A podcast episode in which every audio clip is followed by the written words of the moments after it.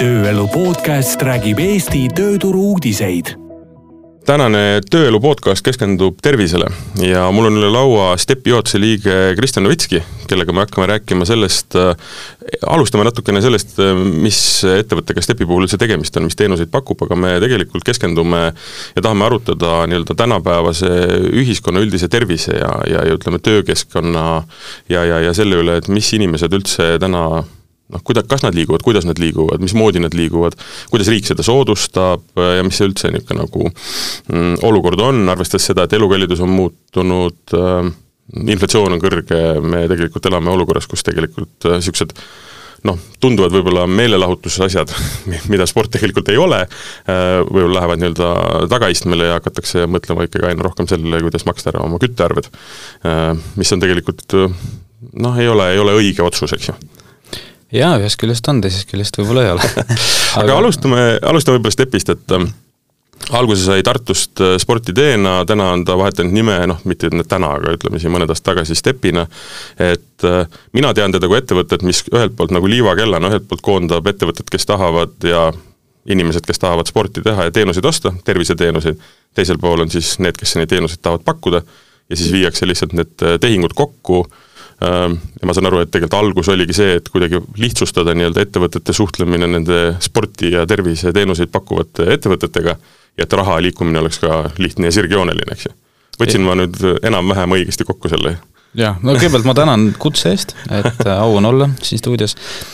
kui me nüüd jah, Stebi kokku võtame, siis Stebi võib-olla niisugust lühikese ühe lausega äh, teda tabada on, on selles mõttes natukene keeruline, sest et äh, ta ühest küljest on äh, selgelt Baltikumi suurim heaoluteenuste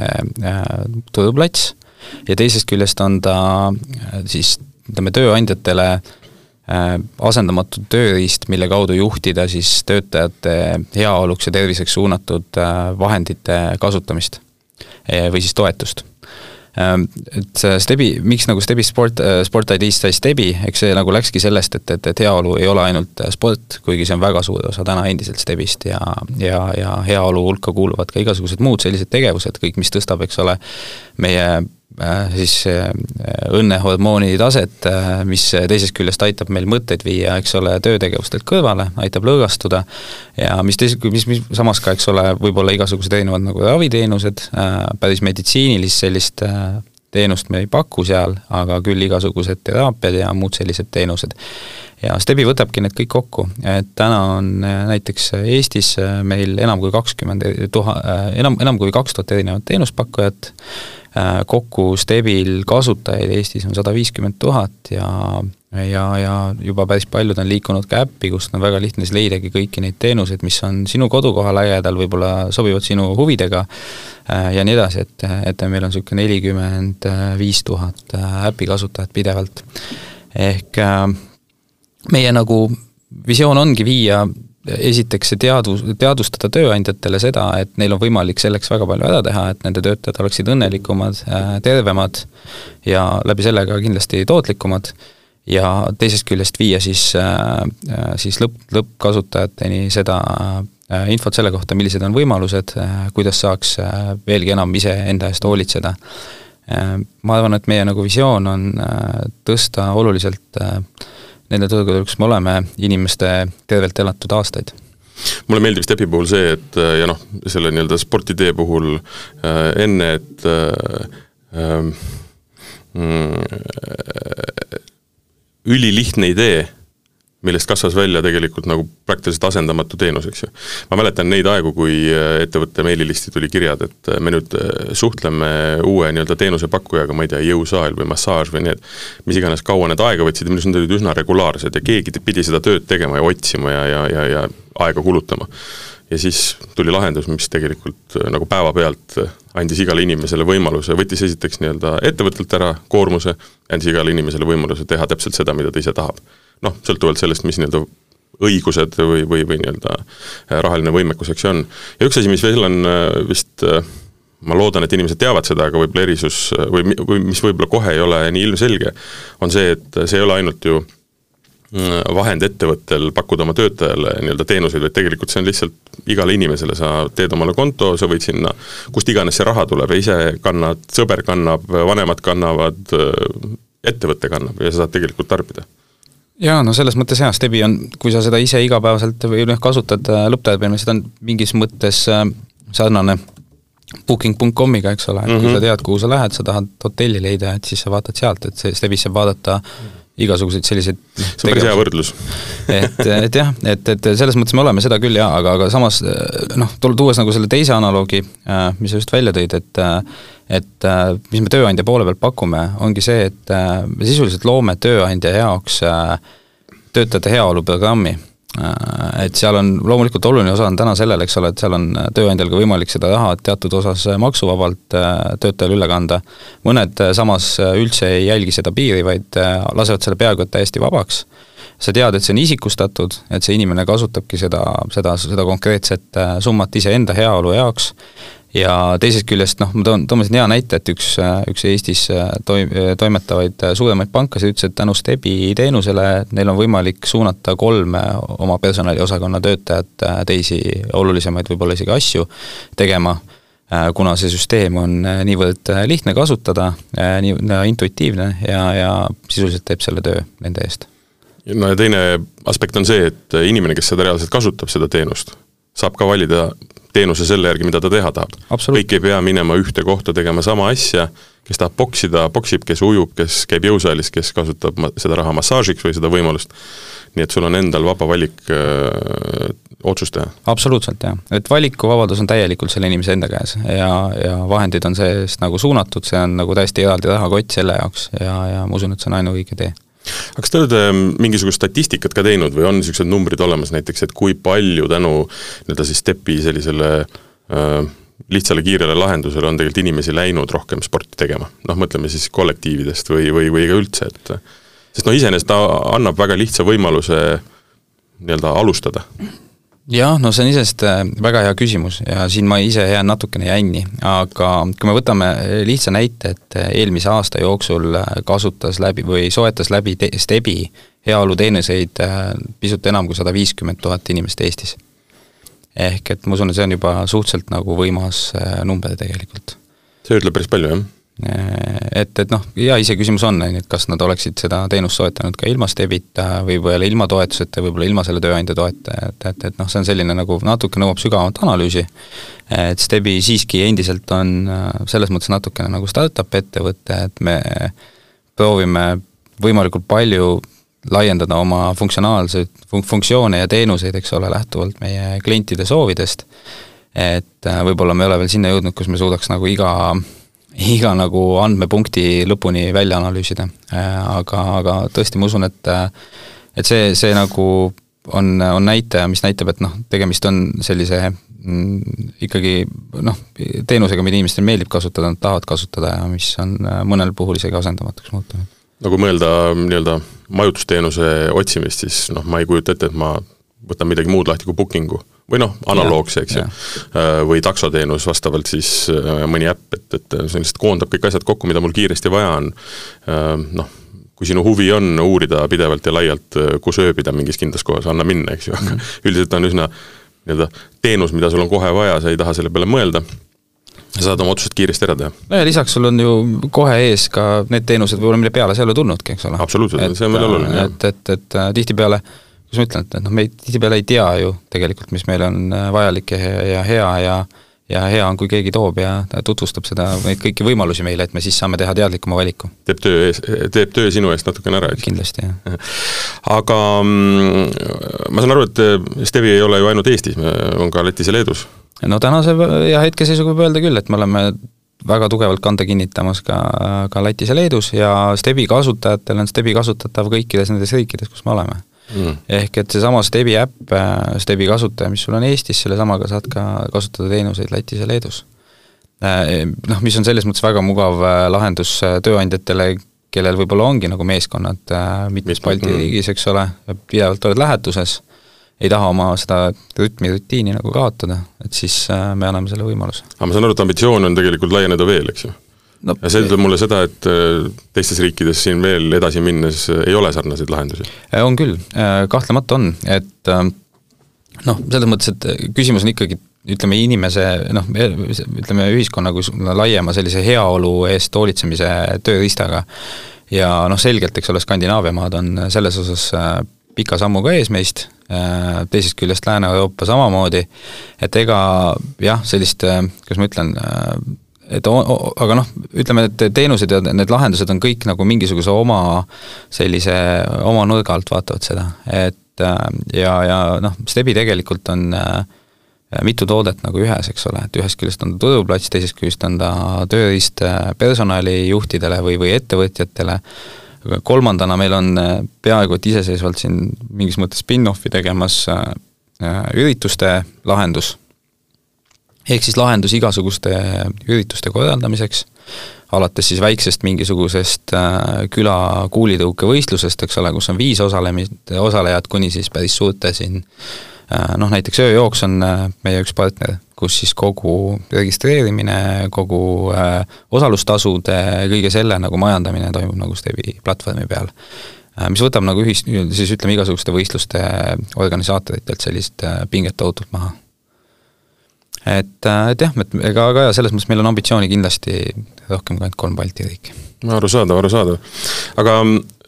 selle vestluse laiem mõte oli natukene jah, analüüsida ja, ja arutleda selle üle, et mis see mm, noh jah, läbi Stepi on seda hea nagu vaadata, et, et mis see olukord Eestis praegune, praegu on ja, ja, ja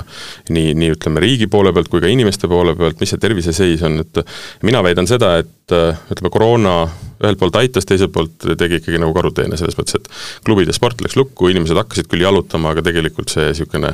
noh, ei olnud väga hea, hea olukord. ja ega tegelikult Eesti ühiskondlik nii-öelda nagu arusaam tervisest ja puhkamisest ja, ja ütleme, lõõgastumisest on üldse olnud niisugune väga vildakas. et ma mõtlen seda, et noh, mina näiteks, kui ma kuulen, et keegi räägib, eriti mõni tippjuht või poliitik näiteks räägib sellest, et kuidas ta ei ole, tal on nii palju tööd, et ta on viimased noh, kolm kuud ei ole puhanud või inimene magab ainult öösel kuus tundi, ma kardan selliseid inimesi rooli ja, ja nagu nii-öelda piloodiks me neid inimesi ei laseks, mina ei laseks. Nad on, nad on, nad on võimetud olema nii-öelda vastutama, eks ju. ja sinu töövõime ja, ja, ja ütleme, keskendumine ja kõik on absoluutselt teistsugusest, teistsugusel tasemel. et äh, mis sa arvad, kuidas meil on äh, nii-öelda see niisugune arusaam spordist ja lõõgastumisest äh, nagu muutunud? no selles mõttes, et vaata, me ei tea, et, et, et nad, need, kuidas ma ütlen, inimesed Äh, noh, see koroona, eks ole, pani inimesed äh, iseseisvalt treenima, eks ole, seda me juba täna näeme, et tegelikult see trend on, äh, ei olnud nagu ühesuunaline, vaid see pöördus tagasi. ehk inimesed läksid ikkagi tagasi otsima ka seda sotsiaalset, väga olulist seda sotsiaalset elementi, eks ole, mis puudutab näiteks treeningute või spordi tegemise juurde, ja läksid tagasi spordiklubidesse. Noh, siin on muidugi oma aspekt, eks ole, et me täna elame tegelikult üleüldse väga-väga keerulisel ajal, väga pingelisel ajal, igas mõttes minu meelest nagu ma ise kahtlustan, et see koroonakriis võib olla midagi sellist nagu, mille tegelikku mõju inimeste tervisele, eriti vaimse tervisele ja sealt omakorda nagu füüsilise heaolule me täna veel ei oska hinnata, et selleks läheb mm. aega aga hea on teadvustada, et need probleemid tegelikult on olemas, et, et ma toon noh, ja analoog on see, et noh, viiskümmend aastat tagasi paljud arstid soovitasid suitsetamist, et see pidi väga tervislik olema, täna me, eks ole, on see üks äh, olulisemaid kuluallikaid riikide jaoks, eks ole, tegeleda selle nagu tagajärgedega, et äh, meil on siin nutiajastu, eks ole äh,, kus inimesed kogu aeg on selles tohutus informatsioonitulvas äh,, oma vaimule puhkust ei anta, teisest küljest äh, olid siin, eks ole, isoleeritus, koroonakriis, äh, kolmandaks, eks ole, on meil siin sõda äh, käimas, et, et, et kõige selle efekti, et mis, mis efekti see omab tegelikult inimeste vaimsele tervisele, me täna nagu ei oska öelda, aga sellegipoolest oleks nagu väga oluline hakata pöörama sellele tähelepanu. sest see kõik on omavahel väga tugevas seoses, vaimne, füüsiline tervis ja heaolu ja, ja füüsiline tervis tegelikult on ka vaimse heaolu või vaimse tervise peegel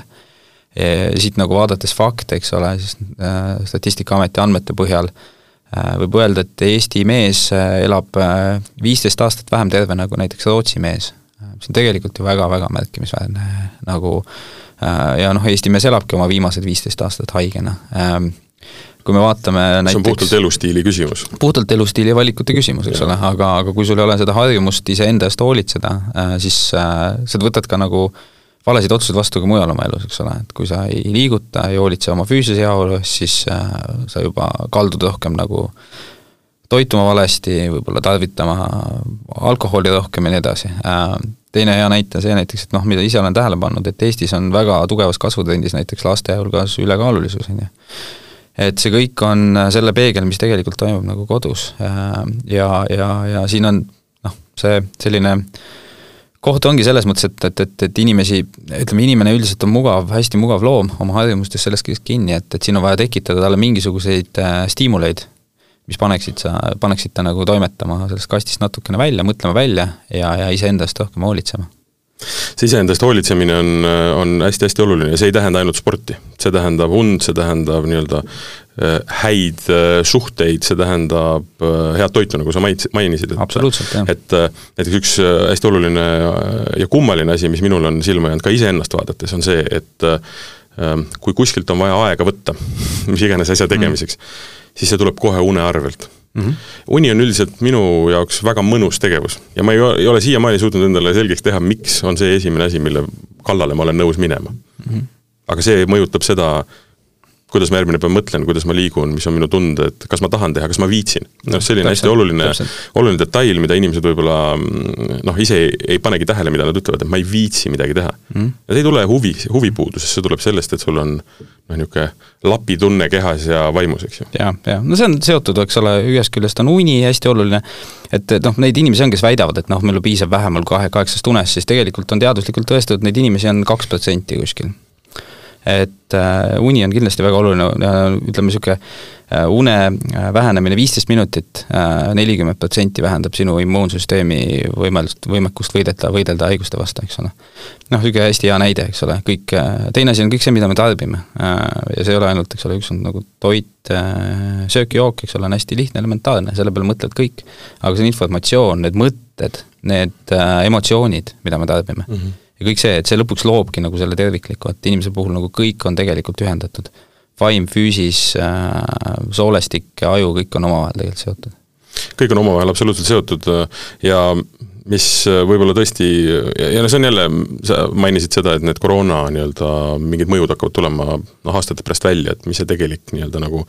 siis äh, noh mm,, mure on, millega me võitlema hakkame, siis tegelikult viimase kolmekümne aastaga on ka meile väga selgelt äh, nagu äh, kuidagi klaarunud see, et äh, me tegelikult tegeleme Eestis noh, ühelt poolt on see nagu riigi poolt, teiselt poolt on see ka tegelikult nagu inimeste kuidagi niisugune suhtumine, et me tegeleme tulemusega, mitte noh, mitte, mitte võib-olla ennetamisega, eks ju. No. ehk et, ehk et äh, sport, uni, kõik need asjad, mis me, mis, mis me nagu mainisime, nendega on võimalik hoida noh, ühelt poolt ennast lihtsalt nii-öelda nagu parlanksis ja, ja, ja hästi nii-öelda, elad hästi, eks ju mm. -hmm. ja teine asi on see, et sa oled terve. sa oled terve noorena, sa oled terve keskealisena, sa oled terve ka vana, vanas eas äh,, aga millegipärast kuidagi vaadatakse, et küll ma siis seal lõpus panen uued hambad, uue puusa ja siis vaatame, kuidas seal edasi käib, eks ju. jah, siin on mitu ütlust, eks üks ütle, üks ütlus ongi see, et me, eks ole, et äh, terve elu, eks ole, teenime raha tervise arvelt, et pärast seda raha, eks ole, enda tervise peale kulutada. Äh, mis tegelikult omakorda toob siit selle teise seose, eks ole, ehk, ehk kust nagu liigub raha, eks ole. et äh, kui sa oled terve, siis kellelgi sinu pealt teenida on nagu väga keeruline. kui sa oled haige, siis on neid palju, kes sinu pealt teenida saavad, et, et siin on, eks ole, Ameerika Ühendriigid on hea näide, kus meditsiinis, mis on kõik erakätes, eks ole, liiguvad ikkagi tohutud summad Äh, aga noh, selge on see, et iga nii-öelda ennetusse pandud aeg, äh, raha on investeering, on ju, investeering ikkagi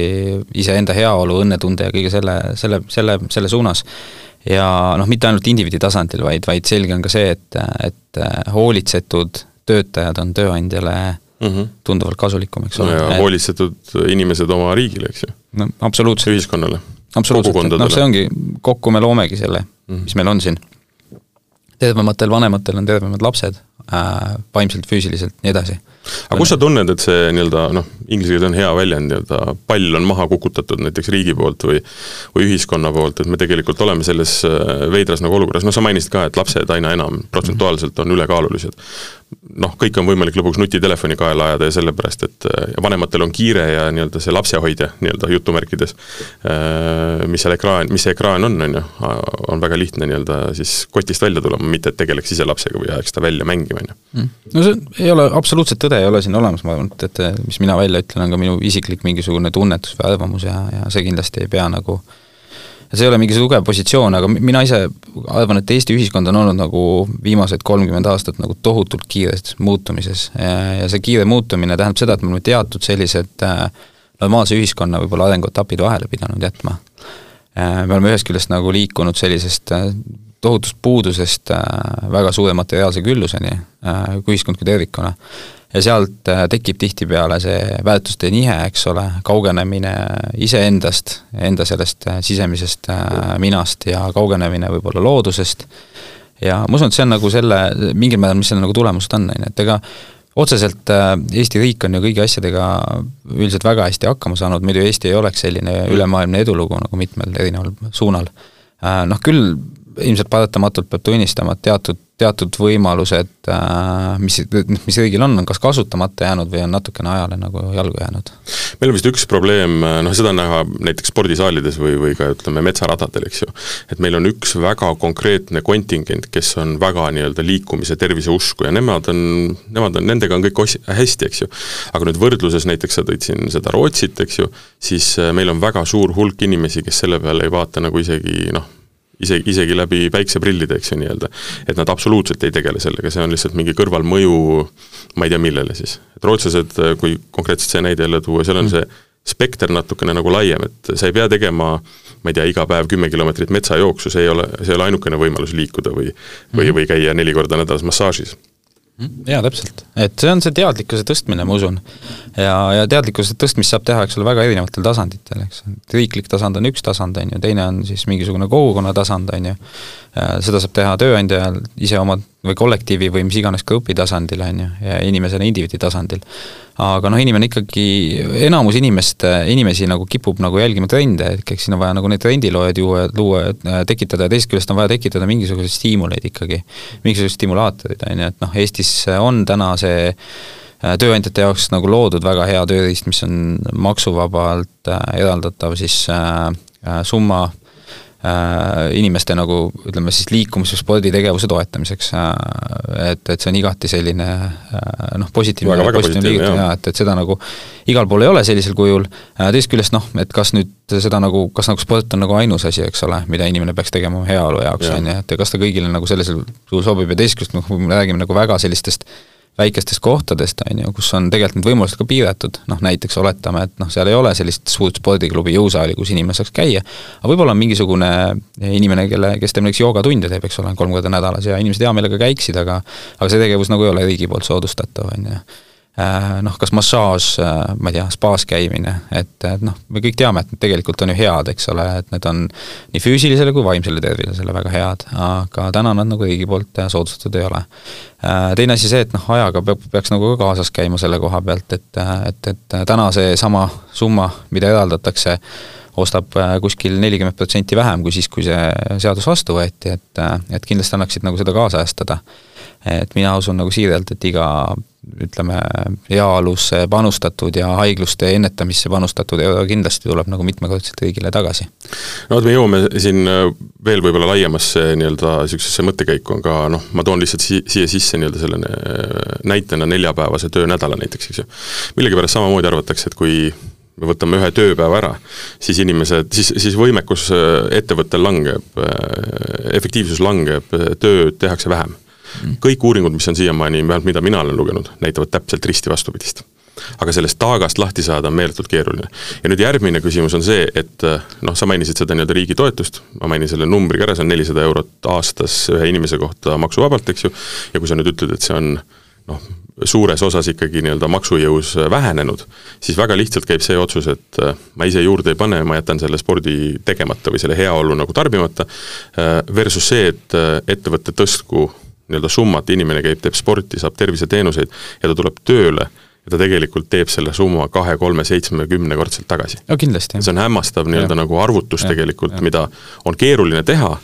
aga et noh, ta tundub selline ulme, et kuidas, kuidas see siis nüüd on, ma ei saa seda ju Excelisse panna otseselt, homme see ei väljendu. Jah, see on selline, et ta ei ole otseselt mõõdetav, eks ole. Et kõik see, mis ei ole otseselt mõõdetav, jääb kuidagi kaugeks ja ei kõneta inimesi, on ju. kindlasti annab siin tööandjate puhul äh, teha seda, et äh, tasub nagu küsida oma töötajate käest, et äh, kas noh, kas nad kasutavad ja kas nad kasutaksid ja mis tingimustel nad kasutaksid ja kui palju nad nagu tegelikult vajaksid seda. Yeah.. et siis on võimalik nagu seda, seda vahet nagu kompenseerida, sest tõesti tihtipeale käibki jutt mingisugust kümnest või viieteistkümnest eurost kuus, on ju, aga, aga noh, me teame seda, et mis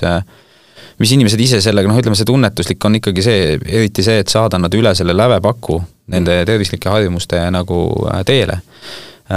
seal on, küsimus tihtipeale ongi selles, et see iseenda jaoks kulutatud äh, kümme eurot nagu noh, kipub nagu minema kuskile mujale, kui sinna selle spordiklubi kuumaks või, või, või, või ma ei tea, basseini külastuse peale. no reedene gin tonic näiteks ma toon siia sisse väga ebatervisliku viisi see kümme eurot ära kulutada, näiteks. on teisi viise samamoodi. mm,. et ühesõnaga, mis oleks nagu ettepanek, oleks see, et see mm, summa võiks tõusta Äh, ja mis veel võiks tõusta nii-öelda siis äh, võib-olla vabadus, mi-, mi-, millele seda nagu summat nagu rakendada, eks ju? nojah, ütleme ideaalses ühiskonnas jah, ma näeksin seda, et kõik tööandjad panustaksid kõigepealt ja, ja teisest küljest jah, et see summa oleks võib-olla natukene rohkem kooskõlas sellega, mis tegelikud võimalused on. ja, ja, ja täpselt nii, et noh, teenuste valik samamoodi, et, et me teame, just nagu noh, isiklikust äh, vaatenurgast vaadatuna ma tunnen, et äh, just nagu vaimset tervist või vaimset heaolu mm. soodustavaid teenuseid võiks olla seal rohkem. Äh, kuigi need on väga tihedalt seotud loomulikult, et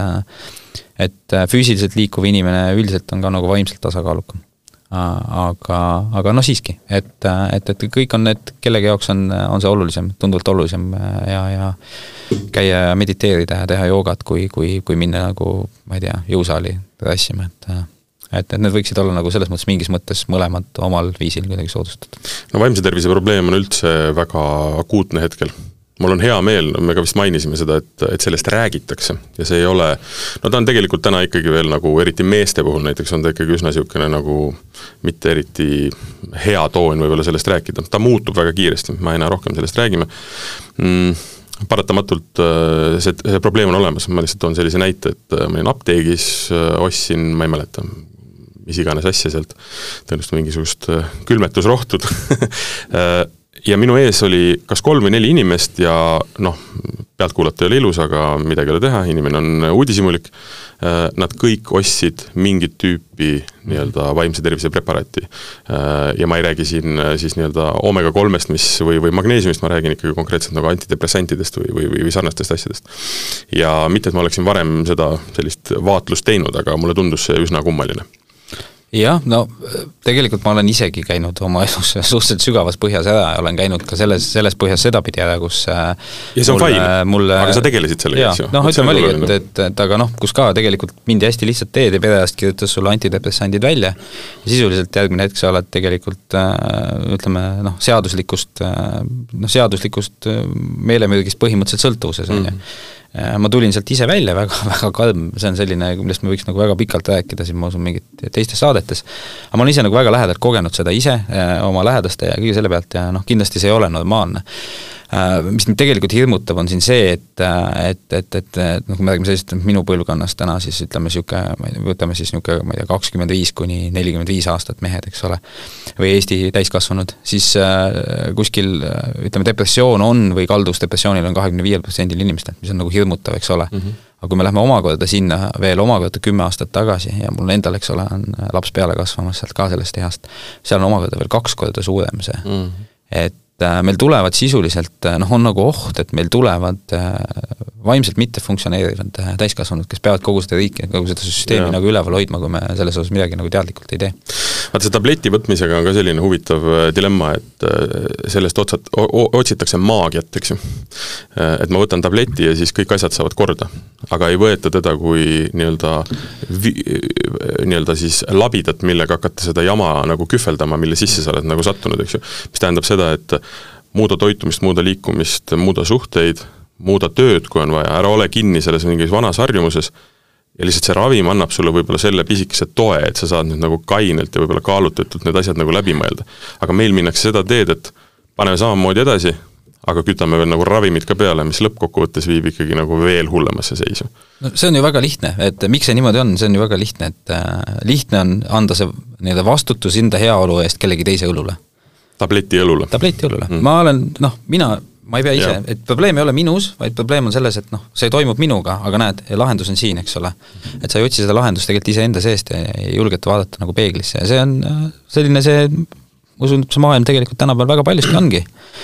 et äh, see lahenduse peab pakkuma keegi teine, noh, et, et ei ole see võib-olla hea näide teha, on ju, et selle asemel, ise vaadata peeglisse ja analüüsida, et aga miks ma niimoodi tunnen, miks mul elus on niimoodi, minnakse näiteks noh,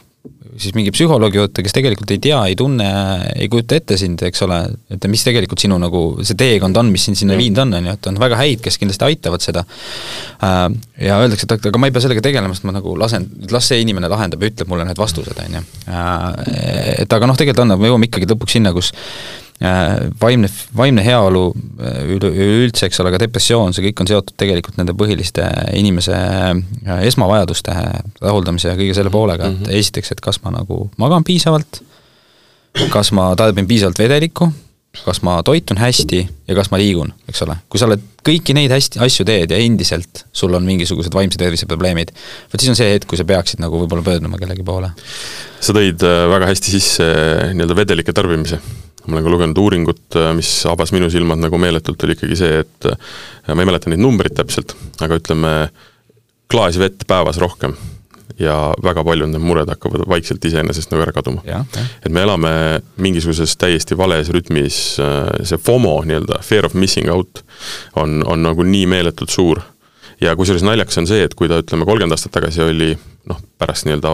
Eesti Vabariigi sündi, teise Eesti Vabariigi sündi, oli lihtsalt see, et oli võimalus nagu niivõrd palju teha ja saavutada. et tehti kahekümne tunniseid tööpäevi ja mürgeldati, mõistan, see on niisugune puhtalt nii-öelda entuka pealt tegemine, ja siis mind, täna me oleme jõudnud nagu veel, nagu veel nagu hirmuäratavamasse olukorda, kus tegelikult äh, saavutada on võimalik, aga kõik, mõte on ikka sama, et homme on juba vaja mm. -hmm, mitte ei vaadata pikka plaani ja siis äh, ekseldakse lihtsalt äh, suvaliselt pimeduses, eks. no see, see on hea, et sa selle välja tõid, eks ole, et see FOMO, FOMO teema, et aga isegi see inimene, kes nagu tohutult FOMO-s on, äh, lõpuks, kui ta tegelikult vaata-, vaataks tagasi ja analüüsiks seda, et mida ta tegelikult sisulist on suutnud luua selle päeva jooksul, siis ta näeb, et tegelikult see oleks võinud kontsentreeritud olla tegevus kaheks tunniks, mitte kaheksaks tunniks, on ju. ja ülejäänud selle kuus tundi või noh, oletame siis viis tundi oleksid saanudki pühendada, eks ole, oma suhetele, pere lähedastega, äh, liikumisele, oma üleüldisele heaolule. Äh, ja noh, vedeliku poolest on ka, eks ole, lihtne, et tegelikult ainus vedelik, mida keha vajab, on vesi ja seda meesterahvaste puhul kuskil kolm koma seitse liitrit ööpäevas, naiste puhul kaks koma seitse. et igaüks võiks vaadata, mõelda, kas ta nagu, palju tema seda vedelikku päeva jooksul tarbib ja, ja ma tean jälle oma kogemuse põhjal äh, ma ei tea, kui ilus neist nagu rääkida on siin selles podcast'is, mina kannatasin aastaid peavalude kannal ja no küll nagu uuriti ja puuriti nagu, mis see on ja kas see on ja lõpuks oligi selge, et lihtsalt veri läheb paksuks, kuna yeah. ei tarbi piisavalt palju vedelikku. Ja sunniviisiliselt hakkasin jooma, et äh, mitte nagu jooma selles mõttes, aga jooma vett et, äh, et mõni hakkab ka päriselt jooma. no vede-, jah, ütleme vedel, ei saa öelda, et vedelik on vedelik, eks ole, et, et, et, et on selge, et teatud jookidest meil mingit, mingit kasu ja tolku ei ole ja teatud vastu, teatud jookidest vastupidi, et äh. minul on samasugune näide tuua näiteks krampidega ja lugesin ja lugesin ja kõik soovitasid äh, võtta igasuguseid äh, magneesiumi asju ja lõpuks tuligi välja, et tegelikult on puhtalt vedeliku puudus. no vot, ma saaksin toitumisest ja sellest kindlasti nagu veel pikalt, pikalt rääkida. aga mm, üks asi on jah, see nii-öelda nii füüsilise kui vaimse tervise pool, äh, une pool, mm, aga noh, me veedame väga palju aega tööl ja, ja tööl on noh, ütleme, kellel rohkem, kellel vähem, on tegelikult loodud nii-öelda tingimused äh, pikaks ajaks nii-öelda olla ja, ja, ja olla, olla siin nii-öelda resultatiivne, siis eh, noh, tegelikult see on üks koht, kus, kust ka väga paljud ju hädad nagu hakkavad, eks ju. üks jah. pool on see, et eh, jah, aidatakse nii-öelda seda töötajat pärast, noh, tööväli, töövälisel ajal. töövälisel nii-öelda sporti jah. tegema või, või, või mingisugust muud heaolu saama, siis tegelikult see nii-öelda töökeskkonna enda niisugune terviseoht on päris eh, ka märkimisväärne. Absoluutselt, noh inimene ei ole, noh, ütleme, inimene ei ole loodud tegema istuvat tööd, see on nagu üks asi, noh, me võib-olla ei too siia neid väga selles mõttes ohtlikke töid nagu kaevurid ja, ja, ja meil on siin ehitajad ja kõik sellised, kes töötavad välitingimustes, rasketes tingimustes, on ju, seal on nagu omad, omad nüansid ja mis seal salata, tegelikult sellise välitöö, välitööd tegeva inimese puhul võib-olla see vajadus nagu minna, teha trenni ja vajadus ka ütleme, vaimse tervisega tegeleda, tegelikult on tunduvalt väiksem, et probleem tegelikult on nendes istuvates äh, kontoritöökohtades. Äh, inimesed, kes tulevadki, istuvad oma mugavas toolis, eks ole, kõik on justkui tehtud selliseks, et et see, see inimene saaks seal olla, tunda ennast hästi, on ju, aga, aga see nagu, tulles nagu tagasi inimese põhivajaduste poole, siis võtab talt ära sellise ärksuse, teisest küljest nagu selle liikum-, pideva liikumisvajaduse ja kõik, kõik need muud asjad ka. et noh, ma ise, ma olen siin eksperimenteerinud, ma pole nagu kontorilaua taga istumiseks tooli kasutanud tegelikult sisuliselt aastaid, vahel harva lihtsalt tõmban selle tooli nõrgast ja viskan ennast lösakile, kui ma tunnen, et on istumispallid, on seisuklauad ja kõik sellised, et väga nagu toetan neid mõtteid ja kui sul ei ole seda, siis äh, tekita endale rutiin, äh, tõuse püsti, laua tagant iga poole tunni tagant ja suuna aknast välja, kui võimalik, on pilk kaugusesse, et äh, aitab nii, aitab, aitab nagu väga paljude asjade, asjade puhul ennetada. Ja noh, näiteks väga hea, noh, prantslased, eks ole, teatud äh, väga tugeva toidukultuuriga rahvus, seal on ju äh, seadusevastane on süüa kontoris laua taga oma lõunat. et sa pead minema välja ja, ja võtma siis kollektiivi, eks kellegi veel kaasa lähed, et seal on nagu see sotsiaalne element, liikumiselement ja kõik see tea-, teadliku toitumise element, eks ole. et ma kindlasti nagu julgustaks kõiki ka seda propageerima, et äh, selline jällegi üli, üliproduktiivne, eks ole, käigu pealt asjade tegemine, ilma et sa teadvustaks omale neid tegevusi, sealt ei saa midagi head sündida kui ma valisin omale uut äh, kontoritooli äh, koju, siis ma käisin päris mitmes äh, salongis. ühes salongis tutvustati tegelikult mulle ühte väga olulist ideed, mida sa tegelikult mainisid, aga ma võtaks selle kokku. mulle öeldi seda, et noh, sa tuled tööle või sa hakkad mingit istuvat tööd tegema või noh, mis iganes arvutiga kirjatööd, et siis mm,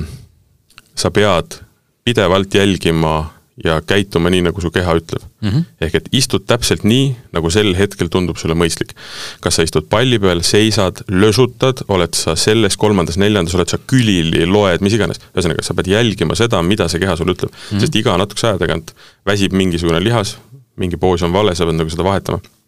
hommikul on su nii-öelda lihased äh, jõudu täis, sa saad istuda nii-öelda selles klassikalises koolipingi ja niisugune üheksakümne kraadi nurga all, mis tegelikult on nonsense, eks ju. Mm,. aga siis sa vaatadki, kuidas päeva jooksul pead sa olema mugav, et mm, et, et teha seda tööd nagu edasi. täiesti okei okay, on visata ka keset päeva pikali, diivani peale, põranda peale, kuhu iganes, aga noh, soovitus on võtta telefoni sinna kaasa, et lihtsalt lase, ole, ole seal iseenda mõtete ja omaenda hingamisega natuke. see on huvitav selles mõttes, et me jõuame tegelikult tagasi jälle selle nii-öelda, et füüsiliselt äh, oleme me võimelised tegema palju raskemaid asju kui vaimselt. ja näiteks kui võrrelda inimest, kes istub kaheksa tundi äh, arvuti taga, versus see, kes kaheksa tundi tegeleb äh, füüsilise tööga väljas, siis noh mm,, ma ei oska neid protsente nüüd öelda, aga, aga ütleme, et see, kes töötab väljas, tõenäoliselt viitsib õhtul veel trenni minna mm. -hmm. see, kes istub ja. arvuti taga, tema on läbi. energiakanalid on kinni, eks ole. lisaks sellele oled sa lihtsalt noh, vaimselt nii ära nüristatud, kuna sa oled istunud terve aeg. sa oled olnud ühes kohas, tõenäoliselt on õhk vale, temperatuur vale, nii edasi, nii edasi, eks ja su aju on saanud kogu aeg mingisuguseid stimulaatoreid, eks ole mm, -hmm. informatsiooni nagu igasugust, igast, igast küljest, et noh, sa oled tegelikult sellest oled väsinud tahetakse jah sassi seda füüsilist ja vaimset väsimust kindlasti, aga jällegi, mis aitab alati ja mida on nagu lihtne öelda, raske teostada, tuleb lihtsalt iseendale kehtestada jäigad äh, rutiinid, jäigad tegevused, alguses on need kohustused, mingi hetk need saavad nagu niisuguseks osaks elust, ilma milleta sa ei kujuta oma päeva ette isegi. aga sa nii-öelda Stebi poolt vaadates on näha, et, äh, et noh, kuidagi inimeste aktiivsus on suurenenud või, või, või ma ei mõtle isegi, et kas ta on suurenenud, aga just, et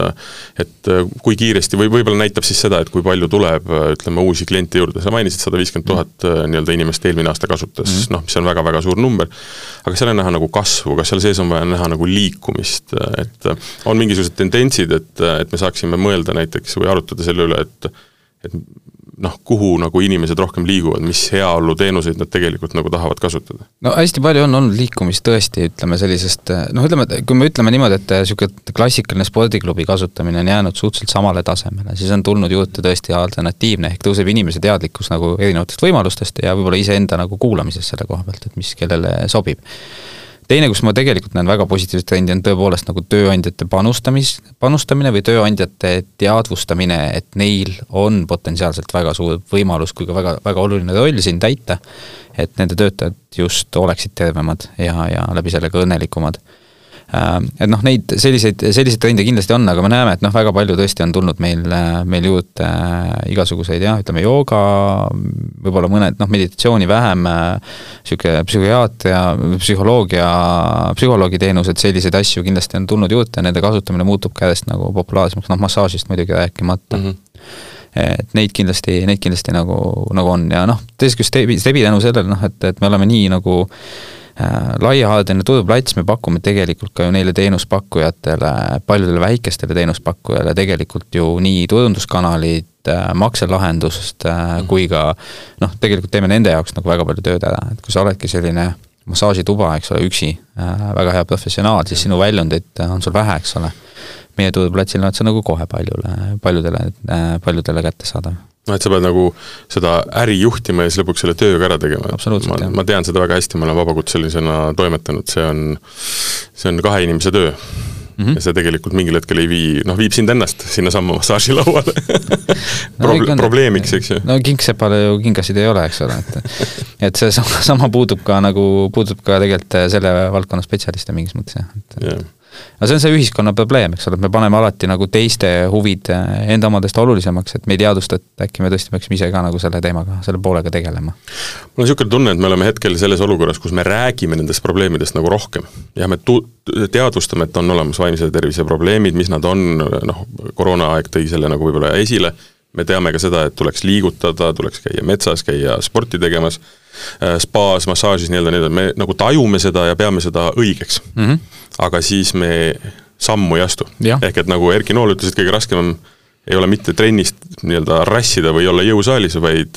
sealt diivanilt tõusta püsti, võtta spordikott ja hakata minema, eks ju. no millal inimene püsti hakkab tõusma, on siis, kui tõesti on juba viimane hetk käes, on ju, et, et noh, vaata no, ütlus... mis on tegelikult ikkagi juba väga-väga hilja. ütlus on, eks ole, et me tahame siin maailmas kõike, eks ole, meil on sadu soove ja unistusi, aga kui me oleme haiged, siis me tahame ainult ühte asja tahaks ainult terveks saada. et, et siis on juba hilja ja et, et aga no ütleme, et ongi, et me tegelikult täna liigume Stebiga palju mingil määral selles suunas, kus me tahame olla ka see häälekandja, et, et kus me anname nagu tegelikult praktilisi nõuandeid, vihjeid, äh, infot, äh, mida teha, kuidas teha, võib-olla natuke läbi selle hakata seda mõttemaailma muutma ja, ja me oleme noh, olemas kui tugev koostööpartner ka Äh, ütleme, suuremate ettevõtete puhul on seal lihtne, seal on personaliosakond, kes sellega tegeleb nende jaoks, ehk et äh, nendega teadlikult vaadatagi üle, et mis nende nagu kollektiivis võiksid need probleemid, vajadused olla, aidata neil läbi viia võib-olla niisuguseid nagu töötubasid, seminare, koolitusi ja nii edasi, äh, me teeme teeme ka siin niisuguseid teabepäevasid oma siis koostööpartnerite hulgas, et, et aidata seda sõnumit edasi viia. et, et millest tuleks alustada, kuidas alustada, mis need võimalused on ja, ja kuidas edasi liikuda mm. -hmm, mm -hmm ja ma arvan, et see mm, nii-öelda Stebi siis missioon on, on väga, väga oluline. sest et äh, mulle tundub, et ühte sellist äh, noh, okei okay,, võib-olla see ei ole ka õige panna stepi õlule kõiki asju, aga aga ühte sellist kanalit tegelikult nagu täna ei ole, on ju. et meil on hästi palju erinevaid noh, ka väga tuntud treenereid, sportlaseid, kes tegelikult on võtnud selle eestkõnelemise enda peale, on äh,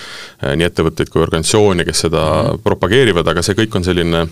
noh, igaüks oma nurga pealt, mis on väga õige, aga ei, ta ei koonda nagu kokku, et ma ei saa nagu seda sammu astuda, et kui sa mõtled nagu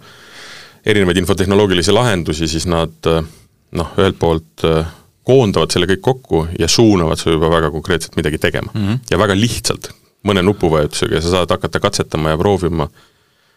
ja ma arvan, Stepi nii-öelda on ka üks osa või noh, see nii-öelda, no sa ütlesid, nii-öelda turuplats, eks ju. jah, no ütleme jah, et tegelikult kahjuks jah, sellist super, niisugused äh, tehisintellekti superäppi täna veel olemas ei ole, on ju, mis vaataks äh, otsa ja, ja ja, ja, ja ütleks, et näed, täpselt sinul täna on vaja seda, eks ole, et, et igaüks vaatab seda oma mingis kitsas spektris, oma kitsa nurga alt, on ju. et võib-olla jah, läbi selle, et, et, et me saame sinna neid teenuseid ja kasutajaid rohkem, me suuna, suudame nagu seda tulevikus nagu targemini teha ja ja, ja noh, minu visioon ja ma usun, kogu meeskonna visioonis ikkagi Stebi muutub ka mingi hetk kasutajaga, kasutajaga natukene interaktiivsemaks. Mm. kus me ei ole lihtsalt selline passiivne koht, kus leida, vaid kus me mingis mõttes ka tekitame sellise võimaluse nagu kahepoolselt suhelda, et et päriselt nagu võib-olla nendel inimestel, kes seda soovivad aidata või, või kuidas ma ütlen, vahest on vaja, et keegi sulle ka jalaga tagumikku paneb. No vot, selles mõttes on ju loodud igasugused äh, Äh, noh, ma ütlen, mina ise kasutasin ähm, koroona ajal mingisugust äppi, kus äh, jalutamise pealt anti mulle mingisuguseid äh, hüvesid. ja need hüved alguses võib-olla olid, tundusid niisugused nagu nonsensid, aga lõpuks hakkad vaatama, et sellest on võimalik juba midagi saada. kas see, et mis ma sellest sain, oli ka lõpus nagu noh, kui väärtuslik ta oli, aga puhtalt see nii-öelda saamise ja oma nii-öelda tegevusega kuhugi jõudmise tunne tegelikult oli see, mis ajas pikemale jalutustiirule, kui kõik muu kinni oli. ja see mängulisus, eks ole. mängulisus, jah. ja, ja seda saab teha eks ole, ka tänast Stebi, Stebiga me saame seda nagu teha nagu kollektiivide põhiselt ja nii edasi, et, et saame ju teha ka edetabeleid, et kes on Delfi meedias kõige kõvem spordimees, eks ole, et kes käib kõige rohkem trennis. kusjuures ei tee nalja, meil oli jalutusvõistlus äh, ja sammuvõistlus ja no seal ikkagi mingil hetkel äh, mingid tiimid hakkasid panema selliseid numbreid, et ma mõtlesin, et noh, et noh, siin on viga komakohad on vale koha peal, eks. Läheb ulmeliseks jah, see, pole vaja, eks ole, midagi enamat kui niisugust äh, sõbralikku üksteisega võistlemist, on ju. aga samas selle, me jõuame siin ka selle juurde, et et noh, inimeste vaade nagu asjadele on see, et kas kõik või mitte midagi. ja nagu spordiga ja iseendaga on ka natukene selline, et ma tahan saada tulemust kohe. ja kui ma ei kohe nii-öelda pärast esimest, teist või kolmandat trenni või esimest-kolmandat nii-öelda massaaži või midagi ei, ei näe seda mingit fundamentaalset vahet, et siis ma ei mõista seda mm -hmm. ja ma loobun ähm,. aga no siin on lihtne mõelda, et ja, ja, ja siis on ka see küsimus, et noh, et ma ei lähe trenni, sest et mul on ainult pool tundi näiteks mm -hmm., noh tegelikult kui sa võtad nüüd need pool tundi, paned nädala, kuu või aasta peale kokku, noh sa saad ikkagi meeletud, meeletud kogused. ja samamoodi, kui sa võtad ära. ja siis nüüd vaata, mille peale sa oma aega kulutasid, või noh, see aja ja raha suhe inimese peas on ikkagi väga-väga vildakaks läinud, et ta arvab, et raha kulub liiga palju ja, ja aega on meeletult, eks ju. ja, ja, ja, ja, ja tegelikult, kui sa hakkad nagu vaatama, siis noh, sa kulutad nii aega kui raha täiesti mõttetutele asjadele väga palju. absoluutselt, jah, absoluutselt et äh, jutt sellest, et ei ole aega või ei ole raha, ei ole õigustus, et mitte minna trenni või, või hakata enda eest hoolitsema. jah, täpselt, mitte enda eest hoolitsemiseks. mõnikord ta võib olla vabandus, et mitte minna trenni, eks ole, raha puudumine, aga, aga vabandus, et mitte enda eest hoolitsemiseks kindlasti ei saa olla. aitäh sulle! aitäh! see vestlus oli väga põnev, ma loodan, et need, kes kuulasid, äh, hakkasid ka natukene mõtlema selle peale, et ähm, et on jäänud natukene nii-öelda tahaplaanile see enda eest hoolitsemine, et äh, lapsed, pere, maja, auto, kõik on nagu väga vinge, aga aga endal on nagu siit natuke ragiseb ja päris, päris sirgeks ei saa enam, eks ju, et tuleks minna, tuleks minna küsida professionaalset abi. jah, vähem asju ja rohkem kvaliteetseid kogemusi lähedastega, iseendaga. ma ei oska paremini seda saadet kokku võtta äh, Saade, mida te kuulasite, oli Tööelu mina olin saatejuht, ajakirjanik Martin Hanson, üle laua istus Stepi juhatuse liige Kristjan Novitski, me rääkisime sellest, mis võib-olla on niisugused kõige põletavamad ähm, asjad meil ühiskonnas, et inimesed ei ole terved ja ei liigu väga. aga vähemalt minul on niisugune tunne, et juba see, et me räägime nendest probleemidest rohkem, on see, et me liigume tegelikult ka selles suunas, et me hakkame ka sügavamaid samme võtma. paljud juba teevad seda, ma arvan, et ülejäänud ühiskond tuleb ka järgi. järgmine Tööelu saade on nagu ikka täiesti teisel teemal, niikaua aga nautige sügist! tööelu podcast räägib Eesti tööturu uudiseid